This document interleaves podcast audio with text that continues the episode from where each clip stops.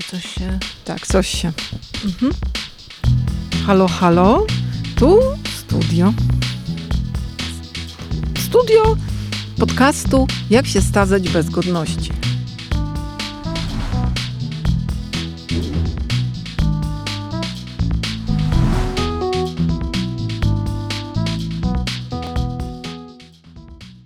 Dzień dobry! Albo dobry wieczór. Mów Ewka. Dobry wieczór, dobry wieczór. Bądź naszą startowniczką. Starczynią. Witamy Państwa w kolejnym odcinku naszego popularnego podcastu Jak się starzeć bez godności. Tak. Po mojej No cóż, stronie. Ja jestem Ewa Winnicka.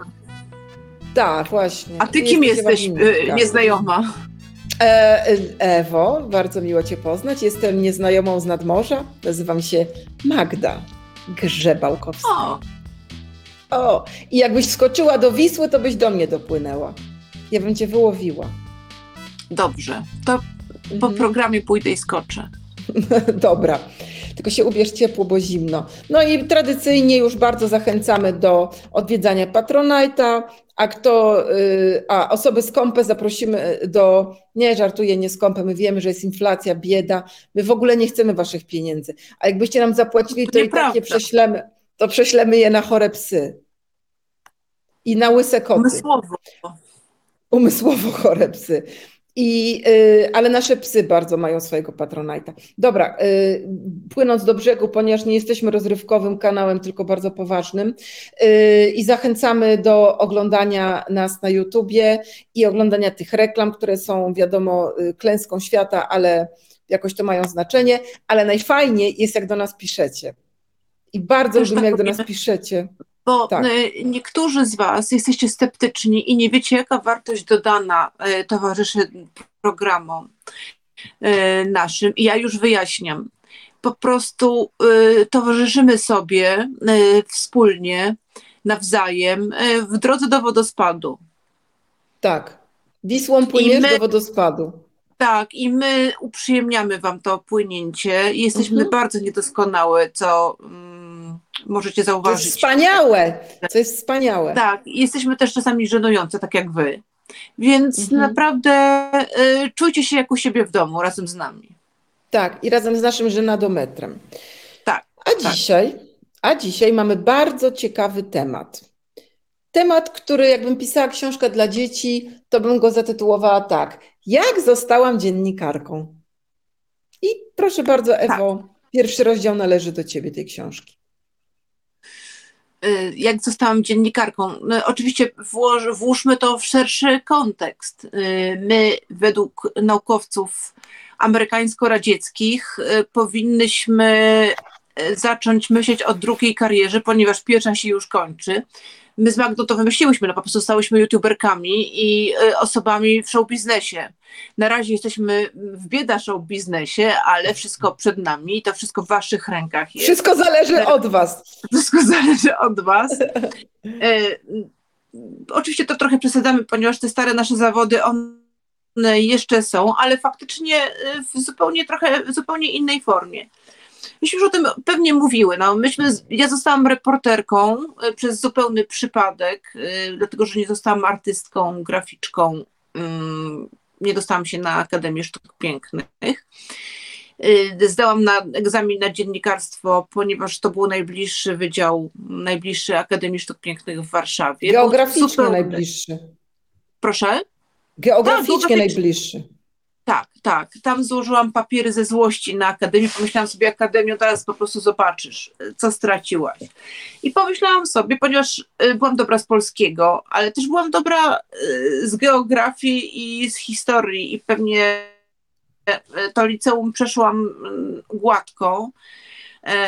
I wiedziałam, że są jakieś osoby piszące, non-fiction, czy to są dziennikarzami, nie wiem, typu, nie wiem, Ryszard Kapuściński, wiesz, Hanna Kral. Myślałam sobie, że jak oni potrafią, to co, ja nie potrafię. No był to taki Oczywiście. klasyczny y, przekonanie dziewiętnastolatka, że naprawdę może tam sobie cokolwiek.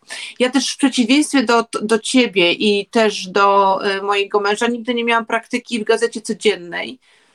E, nie miałam, nikt mnie nie nauczył takiego rytmu dziennikarstwa codziennego, tego, że naprawdę trzeba oddać wieczorem tekst i to mi to bardzo w ogóle przeszkadza do tej pory w organizowaniu w organizowaniu pracy. No, skłamałabym, że to w ogóle nie nastąpiło, ta praca w codziennej gazecie, ona nastąpiła, ale trwała trzy dni, ponieważ spóźniłam się, spóźniłam się trzy dni kolejne na zebrania i w czwartek już mnie wywalili po prostu. A kto cię wywalił i skąd, Ewuniu?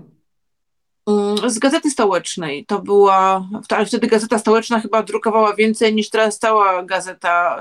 I wszystkie, wszystkie gazety, gazety, w Polsce. Tak, tak, w Polsce razem. To była naprawdę potężna e, gazeta. Tam się spóźniłam, bo prowadziłam życie studenckie wtedy już mm, w końcu. I te zebrania były o dziewiątej, więc sama rozumiesz. Rozumiem, to było po prostu niemożliwe. Ale za Aha. naszych czasów to dziennikarstwo to był zawód y, publicznego zaufania. To byli lekarze, dziennikarze i to było bardzo odpowiedzialne, co się robiło. Tak, a teraz mhm. doszliśmy miało, do takiego Miało momentu. się etos, prawda? Etos Tak, to było coś etos. Właśnie zastanawiałam się, jakie to słowo na E i sięgnęłam do tej skrzynki z, z tymi wyrazami na E i etos, etosu tam nie było, więc dziękuję Ci bardzo, Magda. Więc, Czytam w Twojej y, skrzynce, Ewka. Tak, witamy w mojej skrzynce, puste, puste skrzyneczki. Y, no i tak, takie były początki, a Twoje? Moje początki były takie, że ja bardzo nie wiedziałam, kim ja chciałam być w liceum, i znaczy po liceum, i najbardziej chciałam być aktorką, ale y, po pierwsze doznałam, chodziłam na y, zajęcia przygotowujące do szkoły teatralnej i tam spotkałam się z tym, co teraz opisują dzisiejsi aktorzy, czyli z poniżeniem i y, nie może nie z mitutem, ale z poniżeniem takim y, które, które spotykało aktorów y, w szkole teatralnej. Ale już na egzaminach? Czy zdawałaś egzaminy? Nie, nie, nie, nie, doszłam do egzaminów, bo w tym kole przygotowawczym doznałam nie hejtu, tylko tego poniżenia. A opowiedz. I wiesz co, to było tak, że to była y, grupa pewnej bardzo znanej y, takiej reżyserki y, trójmiejskiej, teatrów takich amatorskich, ale bardzo wysoki poziom. I ona prowadziła z jakimś panem, którego nie kojarzę obecnie. Oni prowadzili koło teatralne, ale to było koło, nie dość, że mieli dla swojego teatru, to jeszcze dzięki temu kołu można się było dostać do szkoły teatralnej, bo potrafili tam pomóc ci się przygotować. I ja bardzo chciałam spróbować. I poszłam do tego koła i była tam grupa ludzi, yy, takich samych jak ja, i y, trzeba było wykonywać. Chodziłam tam, strasznie mi się podobało. Tak, tak mi się tam podobało. Y, ta wspólnota taka, przez pierwszych parę razy było super. Uczyliśmy się przewracać, uczyliśmy się jakiegoś tam ruchu ciała. No takie rzeczy, które robią pewnie studenci aktorstwa na pierwszym roku. I to mi się bardzo podobało. I takiego, takiego no, pracy z głosem, pracy z dźwiękiem. I nagle przyszło już y, do zajęć takich indywidualnych i kazano mi stanąć na środku, znaczy, okej, okay, nie kazano mi stanąć, ale ja jestem zawsze aktywna i zawsze się pierwsza zgłaszam, y, więc poproszono, żeby ktoś stanął na środku, ochotnik. Ja się zgłosiłam i powiedziano mi, że mam pokazać sport jakiś i oni powiedzą mi, jaki sport. I powiedzieli mi, że mam pokazać rzut oszczepem. No i Y, ja wykonałam w moim mniemaniu tak, jak oszczepniczka rzuca oszczepem, y, no nie mając tego oszczepu w ręce, ale jednak machając ręką do przodu, do tyłu. No i y, osoba prowadząca to powiedziała, że w ten sposób to się masturbuje, mówiąc tak kulturalnie, bo tak nie powiedziała, masturbuje mężczyzna, jak ja pokazałam. I cała grupa umarła ze śmiechu, to był fantastyczny dowcip, a ja więcej już nie poszłam. I nie żałuję dzisiaj. Wiele lat żałowałam, że nie spróbowałam zdawać na Akademię Teatralną, ale po tym, jak dzisiaj wiem, jak tam y, tych ludzi niszczono, to, to cieszę się, że jednak nie zostałam aktorką. Y, ja jestem aktorką w teatrze mojego życia, ale, ale to, było, to było straszne poniżenie, co oni zrobili ze mną. Naprawdę. Bo oczywiście padło tam sło, słowo o koniu i o tym, jak się człowiek znęca nad koniem. Oczywiście nie było tam słowa masturbacja takie kulturalne, więc no, to było straszne poniżenie dla mnie, jako dla właśnie 18-19-latki. A potem na studiach poszłam na historię ponieważ był to jedyny kierunek, którego się nie trzeba było nigdy uczyć. Poszłam na historię i tam była gazeta uniwersytecka. A ja zawsze lubiłam pisać, dużo pisałam. I chciałam sobie pisać, to poszłam do tej gazety i jak normalnie złapałam bakcyla. Jak mnie się to spodobało, jak w tej gazecie uniwersyteckiej. Oczywiście pierwszy tekst, jaki zrobiłam w życiu, to było pod tytułem Kultura studencka jest czy nie ma? Każdy taki ma temat na początku, jak jest w gazecie uniwersyteckiej. No i to było, nie było tej kultury, krótko mówiąc. A potem nie ciągnęło i wiesz co, u mnie w Falowcu mieszkała taka pani, która pracowała w Wieczorze Wybrzeża. Ja już to opowiadałam milion razy, ale pewnie nie wszyscy to słyszeli. I ona mieszkała na dziesiątym, ja na trzecim. Jak ja jechałam z nią windą, to ja jechałam z nią na dziesiąte, potem chciałam, żeby zjechać na trzecie, dlatego że ja chciałam pooddychać powietrzem razem z osobą, która pracuje w gazecie. Wydawało mi się, że, wydawało mi się, że nie ma szans, żebym ja kiedykolwiek pracowała w jakiejkolwiek gazecie, bo to mi się wydawało, że to ci ludzie są bogowie. To no półbogowie. Ale tak, tak. I nawet na tych ludzi, którzy wychodzili z domu prasy, bo ja chodziłam tam obok do archiwum państwowego na zajęcia, yy, jeszcze na studiach, i obok był dom prasy, gdzie mieściły się wszystkie gazety gdańskie, po prostu były w jednym budynku, żeby cenzura mogła łatwiej kontrolować i, yy, i władza. I na wszystkich ludzi, którzy wychodzili z domu prasy, patrzyłam z uwielbieniem, z szacunkiem.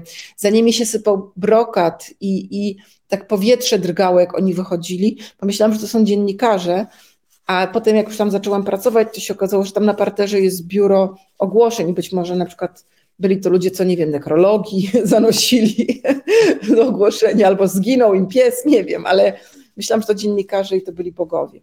A do gazety y, niewyborczej do głosu wybrzeża, dostałam się po znajomości. Bo myślałam, że to nie ma tak, że ktoś przyjdzie z ulicy i powie: Dzień dobry, chciałem pracować w gazecie. Teraz wiem, że na takich frajerów to się czeka, ale ja myślałam, że to się nie da, bo to, żeby dostać się do nieba, to trzeba mieć mocne znajomości. I ja takie znalazłam. Był rok 96, luty, i moja ciocia znała kogoś, kto znał naczelnego głosu wybrzeża, który powiedział, że mam przyjść do pracy w dowolnym dniu, on ze mną, znaczy przyjść na rozmowę. Zaniosłam mu moje wypocinki, moje artykuliki, co myślałam, że on będzie potrzebował dwóch tygodni, żeby je przejrzeć, zanalizować, czy się nadaje. Ja tak przyszłam, a on tak, prze... ubrałam się za dziennikarkę, żeby nie było. Ubrałam się za dziennikarkę na rozmowę, czyli włosy w kitek, ścisły, jak Agnieszka z Człowieka w marmurze, czy z marmuru. Yy, miałam pewny krok, marynarkę w kratkę, okulary zerówki wtedy, ale wydało mi się, że to jest warunek sine qua non, żeby dziennikarz miał okulary i dżinsy. I pewny krok. Weszłam do niego do gabinetu, on wziął te kartki, takie tak prrr, tak wiesz, nie zrobił mi pry jak do konia, tylko a propos konia, dzisiaj wszystko mi się kojarzy, tylko takie przekartkowo mówi, dobrze, jesteś przyjęta. No, no i tak zostałam dziennikarką. I to była no, gazeta Dobrze, a teraz, e, żebyśmy dopłynęły do tego, wodo, płynęły, płyniemy teraz do wodospadu. Do Dziennikarstwo przeszło e, no, meta, metamorfozę, to znaczy z łabędzia stało się brzydkim kaczątkiem, taką, a nawet chyba czymś bardziej oszkliwym niż brzydkie kaczątko. Brzydkim kaczorem. Brzydkim, kaczorem, brzydkim kaczorem, tak. Mhm. Tak się stało, ale ono się też stało e, to równolegle. Myśmy kiedyś e, wymyśliły taką zgrabną metaforę, że my jesteśmy jak Polska, tylko jesteśmy trochę fajniejsze, ale jednak ten upadek dziennikarstwa i nasze odejście od, od zawodu też towarzyszył temu naszemu dobieganiu do półwiecza. I ja myślę, że ja bym już też, nawet gdyby teraz nagle dziennikarstwo stało się zawodem mm, znowu publicznego zaufania, ja bym już nie mogła być dziennikarką. Ja też nie. Taką, ja już nie miałabym którego, siły. Ja bym, bym, nie miałabym siły i nie, nie miałabym pewnie, nie mogłabym już pisać takich tekstów, jakie bym chciała, bo by mi się nie chciało. O, to za to znaczy, cudowne. Jakby ktoś chciał mnie przyjąć do gazety i płacić kupę hajsu i od, pozwolić oddawać tekst na pół roku, tekst raz na pół roku, to bym się zastanowiła. I etat, i, i ZUSy, i telefon służbowy, i za benzynę, żeby zwracali, i gazety były za darmo. Ja teraz nie mówię, proszę Państwa, o czarach z mleka, tylko mówię o sytuacji, kiedy przyszłam do Gazety Wyborczej, co było normą. I kasety do magnetofonu, do dyktafonu za darmo, i spinacze, i długopisy, i tak dalej. To wszystko było za darmo, potem to wszystko powoli odbierali. No tak, ja pamiętam, przecież ja z kolei pracowałam w tygodniku, który, gdzie dostawało się służbowe samochody. I ja pamiętam też cudowną taką historię, że y, ja nie miałam prawa jazdy jeszcze. I w administracji mi mówili, że no ale co z tego? Ewa, dają to bierz ten służbowy samochód. No, to też było takim, jakby wiesz, no, pchało mnie y, w ramiona bezprawia. A jeździłaś, tak, znamy, mieliśmy odcinek o prawie jazdy twoim jeżdżeniu samochodem. To był wspaniały tak, odcinek. Tak, ja pamiętam, ale taką też w ogóle, y, y, bo ja oczywiście poszłam na ten kurs prawa jazdy i chyba za trzecim razem go zdałam, za czwartym razem, że po prostu kiedy zapisywałam się na to prawo jazdy, to mi wypadła, wypadła legitymacja y, dziennikarska, a to wtedy miało Tu Ewa znaczenie. zrobiła cudzysłów mówiąc wypadła, tak, albowiem tak, tak, nie jesteśmy już na wizji. Tak, tak. ja też. Aha. E, I i, jakby wiadomo było, że ja muszę ten egzamin zdać, czy nie można mnie uwalić po prostu dla samego uwalenia, dla tego, żebym zapłaciła mm -hmm. znowu kasę za tak. egzamin. Ja ten egzamin zdałam, ale w ogóle nie znałam się na, je, na jeżdżeniu, bo to człowiek, który y, wiesz, jest po egzaminie, to nie jest jakiś specjalnie gotowy, zwłaszcza do jazdy po Warszawie. Mm -hmm. I pamiętam, kiedy z moją mamą y, na, w dzielnicy Powiśle próbowałam się włączyć, a właściwie wjechałam na takim ślimaku, żeby się włączyć w ruch niezwykle zatłoczonych y, Alei Jerozolimskich. I wiesz, dojechałam już totalnie zestresowana do ulicy, gdzie powinnam, wiesz, docisnąć pedał gazu i gdzieś się włączyć. Za mną są już samochody. I powiedziałam, mamo, mamo, zastaw mnie teraz za kierownicą, bo ja nie umiem jeździć.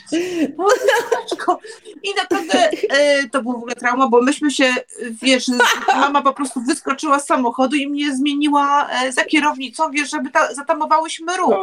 I mama tak, i Mamunia. to było też takie urealnienie moich możliwości. Mama mówi, córeczko, to ty tak naprawdę nie potrafisz jeździć samochodem. Mówię, no nie, mamo, potrafię skręcać prawo, ci, no, ale to było Ale powiem ci, Ewka, że minęło parę lat, ale jeździsz świetnie. Ja się w ogóle nie boję z tobą jeździć. Na przykład jak jeździmy gdzieś, a jeździmy dużo. I, I ty się ze mną też nie boisz, prawda? Też, też się nie boję, chociaż uważam, że jesteś bardzo agresywną kierowczynią.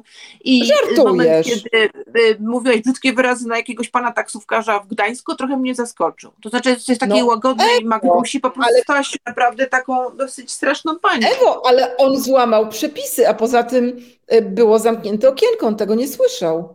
Ale dlaczego, no nie wiem, czy było zamknięte i dlaczego od razu kogoś, kto delikatnie złamał przepisy, nazwać y, nieładnie przyrodzeniem męskim? Jeszcze złamany. No. złamany koniu. Złamane przyrodzenie ty.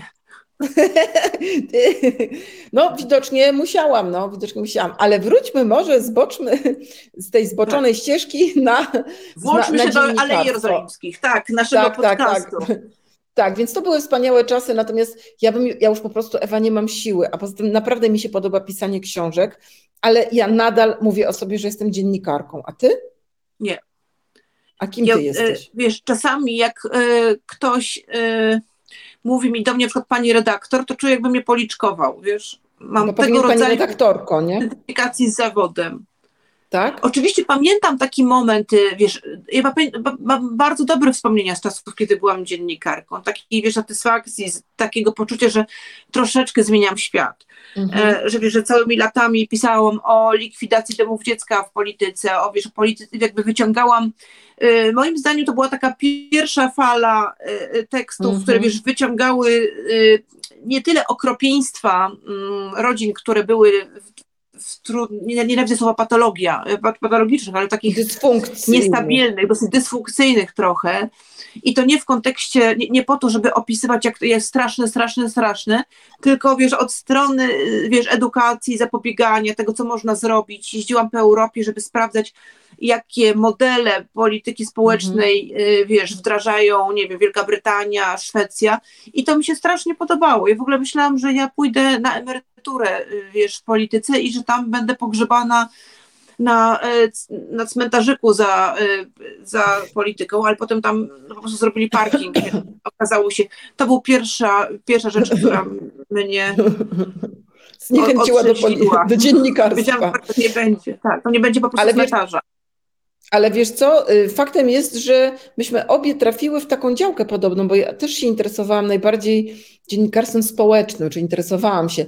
Najbardziej mnie kręciły tematy społeczne, co jak zauważ, zaczynałyśmy pracę w zawodzie, to było takie spychane na bok, prawda, że społeczne, tak. tak kobiety się zajmują i w ogóle takie baby, nie? A teraz jest zupełnie a, a panowie inaczej, zajmowali się polityką właśnie, a co Polityką, kto, a kto tak. co powiedział, wiesz. Mhm, tak, tak, tak. No. I jak reportaż to o politykach, albo jechali gdzieś za granicę na wojnę i przywozili taki ten, a ty tam zobacz, co w domu dziecka, albo co w szkole, że nieprawidłowości i tak dalej. No. To też tak miałam. Ja też bardzo lubiłam pracować w gazecie. No w ogóle, wiesz co, jak z tego głosu wybrzeża, po dwóch, let, po dwóch latach pracy w Głosie Wybrzeża i po dwóch latach pracy w lokalnej gazecie wyborczej trafiłam do dużego formatu, no to tak ja trafiłam do raju dziennikarskiego, reporterskiego. Wydawało mi się, że lepiej trafić nie mogę i ja w ogóle nawet nigdy nie myślałam, żeby pisać książki, bo ja po 15 latach pracy ja byłam wypalona, byłam zmęczona, ale nadal uważałam, że pracuję w najlepszym miejscu na świecie, z tym, że to najlepsze miejsce na świecie przestało płacić pieniądze za pracę. To było takie bolesne. To mnie najbardziej skłoniło do tego, żeby odejść z tego zawodu, bo myślałam sobie, że nie ma dla mnie innej drogi, że muszę do emerytury dociągnąć w gazecie, no bo co bym mogła robić? Bo ja obiektywnie rzecz biorąc, bardzo lubię tę pracę, bo co ja bym mogła robić innego, Ewa? Nic. Bo bardzo dużo ludzi w trakcie mojej pracy zawodowej, dziennikarskiej przechodziło na stronę PR-u. Też tak masz takich znajomych? Mhm, U ciebie tak. to może też szli w politykę na przykład, nie? A w Gdańsku to tak bardziej stawali się rzecznikami prasowymi Urzędu Miasta, rzecznikami prasowymi, e, chciałam powiedzieć urzędów miasta, ale to w jednym mieście jest tylko jeden urząd miasta, ale różnych takich korporacji i tak dalej. A ja tego bardzo nie chciałam. Powiedziałam, że to jest droga w jedną stronę. Nie wrócisz do zawodu dziennikarza, jeżeli pracowałaś, jeśli byłaś PR-ową. Ja tego nie chciałam. Ale z trzeciej strony Gazeta Wyborcza, zaczęła obniżać bardzo pensje, bardzo zaczęła obniżać i, i naprawdę już nie było z czego żyć. I wtedy się właśnie objawiła gazeta. A jaką masz najśmieszniejszą przygodę związaną z dziennikarstwem? Taką anegdotę. Najśmieszniejszą? A może być najsmutniejsza też. Chyba najśmieszniejsza to jest ta, ale no, nie wiem, czy już nie mówiłam wam o niej, jak pojechałam do Ameryki pierwszy raz i y, redaktor naczelny powiedział, że trzeba sobie wymyślić, mm, że, że ta podróż no to, to nie, nie, nie może być krótsza niż 4 tygodnie, bo inaczej się nic nie nazbiera. Y, I trzeba, trzeba sobie wymyśleć y, tematy.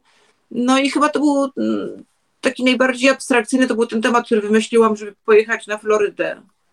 Aha. Ja przeczytałam, że gdzieś w jakimś magazynie naukowym, że, że ze względu na to, że na Florydzie jest najwięcej w Stanach Zjednoczonych zagęszczenie takich klinik piękności, wiesz, takich pierwszych zakładów medycyny estetycznej Aha. i się, wiesz, pakuje hormony żeńskie kobietom, które są w naszym wieku już e, obecnie, e, to, wiesz, są zanieczyszczone wody gruntowe i e, krokodyle na mokradłach Everglades y, są bezpłodne i rodzą się z mniejszymi przyrodzeniami. To znaczy mniejszymi. To znaczy, i, te, i, z tego, wiesz, wyciągnąłam taką y, y, analogię, czy też, że wiesz, że kobiety, które się dla tych mężczyzn jednak y, upiększają, wiesz, dla kastrują przeciwny i jednocześnie kastrują, bo też płodność mężczyzn w Florydzie okazała się mniejsza. I Wiesz co, e, myślę, że najśmieszniejsze jest to, jak myślę, jak poszłam ten temat e, tłumaczyć e, redaktorom, o czym bym chciała napisać. Jak byłam w połowie tej opowieści, jak, jak już byłam, bo ci redaktorzy to byli redaktorzy 2.0, e, tacy jak wiesz, przełom lat 90., 2000. Liczyła się polityka, kto co w Sejmie. I nagle przychodzi Dziunia, e, młoda, która chce pisać o krótkich penisach krokodyli na Florydzie. Na Florydzie. Stało w tym gabinecie i w tej takiej opowieści entuzjastycznej o tych krokodylach i patrzyłam w ich oczy to wiedziałam, że zabrnęłam gdzieś, wiesz, w jakiejś, że jestem po prostu w jakiejś ślepej uliczce i że, kurde, robię z siebie jakiegoś absolutnego y, durnia. Ale najlepszą puentą numer jeden jest to, że oni się na to zgodzili. Aha. Y, żebym pojechała na tą Florydę. Wiesz, nie wiem, jak ja bym miała, ewentualnie co miałam z tymi krokodylami gadać, wiesz, no wiesz, też, y, ja byłam dosyć jeszcze osobą o nie bardzo rozwiniętym, niedorozwiniętym warsztacie e, dziennikarskim, ale pomyślałam sobie, ahoj, przygodo. A druga puenta jest taka, jak sobie pomyślałam, że jest teraz na przykład rok 2020, ja jestem reporterką nawet tych najbardziej prestiżowych y, mediach polskich i idę z, ten, z tym tematem do redaktora naczelnego. A! Że chcę no. jechać do, na, do Miami, tak. lecieć, żeby opisać krótkie y, po prostu narządy płciowe krokodyli. Chcę pojechać do Miami, żeby zobaczyć, co krokodyle mają z jajami na przykład. Z jajami, tak. No, no. tak I napiszę wierszem reportaż. No i co, co dzisiejszy naczelny, nie? Tak jak tak, na przykład, tak. nie wiem, czy słyszałaś te... Af... po prostu, wiesz, tak. dosyć zawału ze śmiechu. On by ci powiedział, że zrób to, co było ostatnio w Wyborczej, czyli była kores, i teraz ja robię ten cudzysłów znienawidzony, korespondencja z Paryża, dziennikarka Gazety Wyborczej nadała korespondencję, tak to było podpisane, z której wynikało, że porozmawiała z mnóstwem piekarzy, z mnóstwem pracowników yy, yy, piekarni i napisała solidny tekst o tym, że kryzys zabija francuskie piekarnie. Po czym bardzo, tak, tak mhm. bardzo szybko wyszło na jaw, że ta dziewczyna po prostu spisała artykuły, bo faktycznie jest kryzys i francuskie gazety o tym piszą, kryzys w piekarnictwie francuskim, i że gazety francuskie o tym piszą. I dziewczyna wzięła, pospisywała to z różnych gazet i napisała, że to jest jej własny tekst. Tak, to strasznie to, przykre.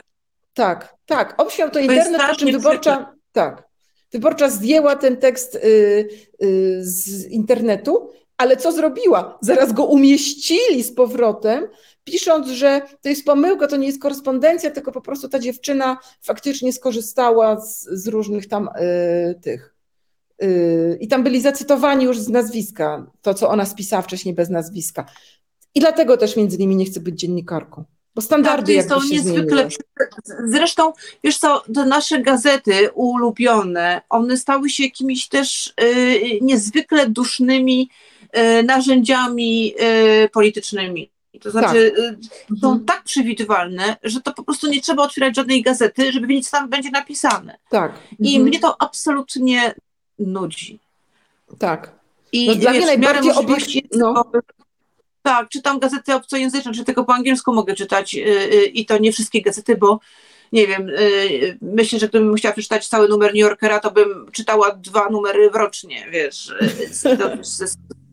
bo tam nawet, wiesz, Google Translate nie wyrabia przy tym mm, erudycyjności mm, mm, językowej.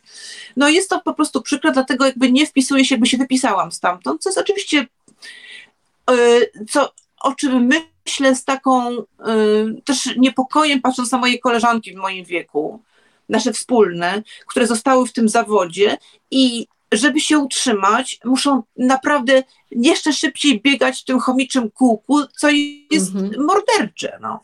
Tak, Myślę. tak, to jest prawda. To jest prawda. I jeszcze muszą się dostosowywać lub są formatowane i chłopacy tak. też formatowani na to, czego żąda od nich gazeta. Zauważ na przykład, jak w ciągu ostatniego roku czy dwóch zmienił się sposób przedstawiania artykułów w gazetach. Jak debilne tytuły są tych artykułów, jakie gówniane, które potem w ogóle nie odpowiadają treści. Albo na przykład y, ktoś robi z kimś wywiad i ten ktoś na przykład powie: Ach, dzisiaj mnie tak boli głowa. No i jest wywiad na przykład z politykiem, a w tytule jest tam pana X boli głowa, czyżby rak mózgu?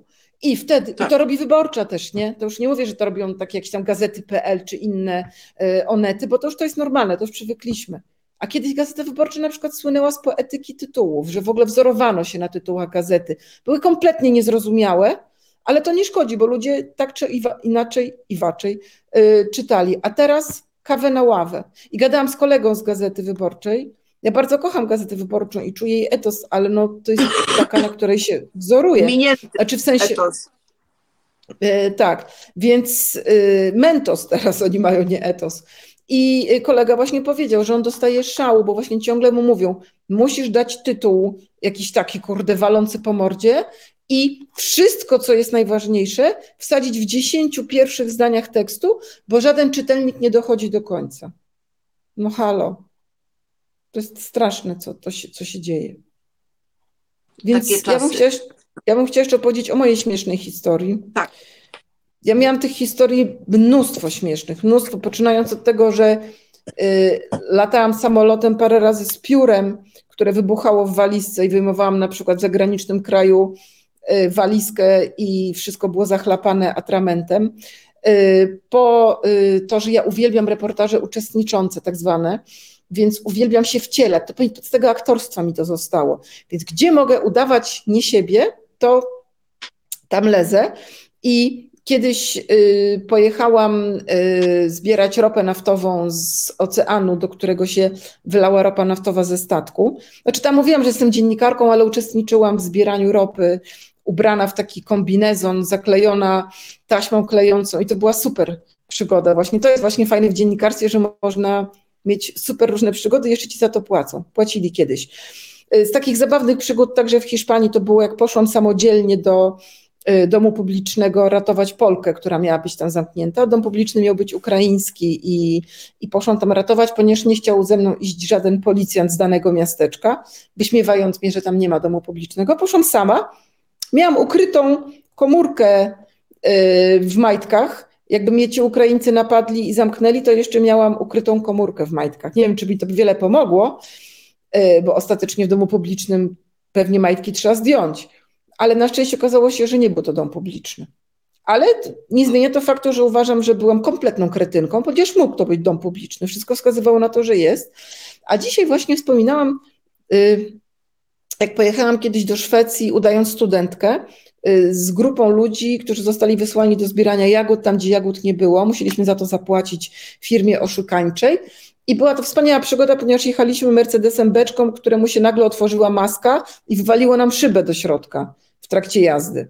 Znaczy, szyba jeszcze nie wpadła, tylko trzymała się, rozumiesz, największa widoczność, która była nocą w deszczu, to było takie dwa centymetry kwadratowe szyby. Daliśmy radę, daliśmy radę. Naprawdę mnóstwo, mnóstwo przygód, mnóstwo. Uwielbiam. No i to jest jakby rzecz pozytywna, która nam zostanie po tym zawodzie, po prostu wspomnienia, jak będziemy wnukom opowiadać przyszło. Cóż za podsumowanie wzruszające. Yy, no dobrze, to chyba czas kończyć. A, czekaj, ktoś dzwoni. Czekaj, słyszysz jak dzwoni? Tak. A jak dzwoni? Jaki dźwięk dzwonka słyszysz? No ja mam wyciszony, u mnie jest wyciszony. A, wibruje. Odbierz Ewka. Halo? Halo, dzień dobry. E, czy dodzwoniłem się do pań? To ja, e, cichy wielbiciel, bo e, dowiedziałem się, że panie są dziennikarkami, tak? To prawda, tak? Tak, no to dobrze, bo ja nie ufam dziennikarzom. Wie pani, myślę, że one są, e, dziennikarze są w ogóle niepotrzebni. E, są, zadają pytania, e, węszą, wsadzają sprawy w nie swój nos, w nie swoje sprawy, więc zupełnie są nam niepotrzebni. Także proszę, żeby panie jakoś zawód zmieniły. Pozdrawiam serdecznie.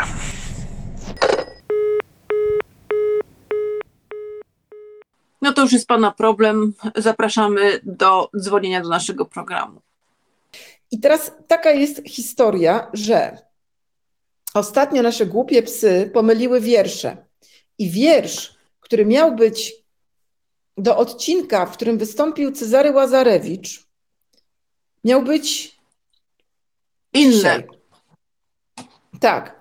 A ten, co będzie dzisiaj, psy przepraszają, to miał być, y, bo to chodzi o to, że te wiersze, te psy dobierają jednak jakoś do tematu. I pewnie się Państwo zdziwili, że tamten wiersz kompletnie nie był do tematu, a ten jest też nie do tematu, więc jak ktoś słuchał więc rozmowy zapraszamy. z Cezarym, to zapraszamy serdecznie. No to zaczynamy. Eee, eee, jesteś? Słuchajcie, no, ale zgadujcie, to to za wiersz, bo to jest teraz tak? to jest tak. kluczowe. Dobra, to, czekaj, to dawaj. Pogoń. Tak. A, browar jesteś? Jesteś browar? Nie. No. Hej Jutka, mój kochany kudłaty przyjacielu. To ja dzisiaj zaczynam, dobra? To, to jest, chciałam tylko powiedzieć, że to jest słynna angielska pieśń słynnego angielskiego muzyka i ona jest po prostu z angielskiego na polski przetłumaczona. Uwaga, zaczynam. Dawno, dawno temu ubierałeś się tak dobrze, rzuciłeś włócęgą dziesięciocentówkę w sile wieku, prawda? Bez sensu. browar. Ludzie No, wołają, mówią, uważaj, laleczko na pewno upadnie, smyklałeś, że wszyscy żartują, kiedy się śmiałeś. Ty, to jest głupota jakaś. Wszyscy, którzy się spotkali, teraz nie mówisz tak głośno, teraz nie wydajesz się taki dumny. Teraz ty. O konieczności wyzebrowania następnego posiłku Zizas. Kurwa, co to jest w ogóle? Jak to jest? Jak to jest? Być, Być bez, domu jest bezdomną. kompletna nie wiadoma. Nie wiadomo, jak toczący się kamień. To pa, Hał, hał. Au. Pa, kocham cię, browarku.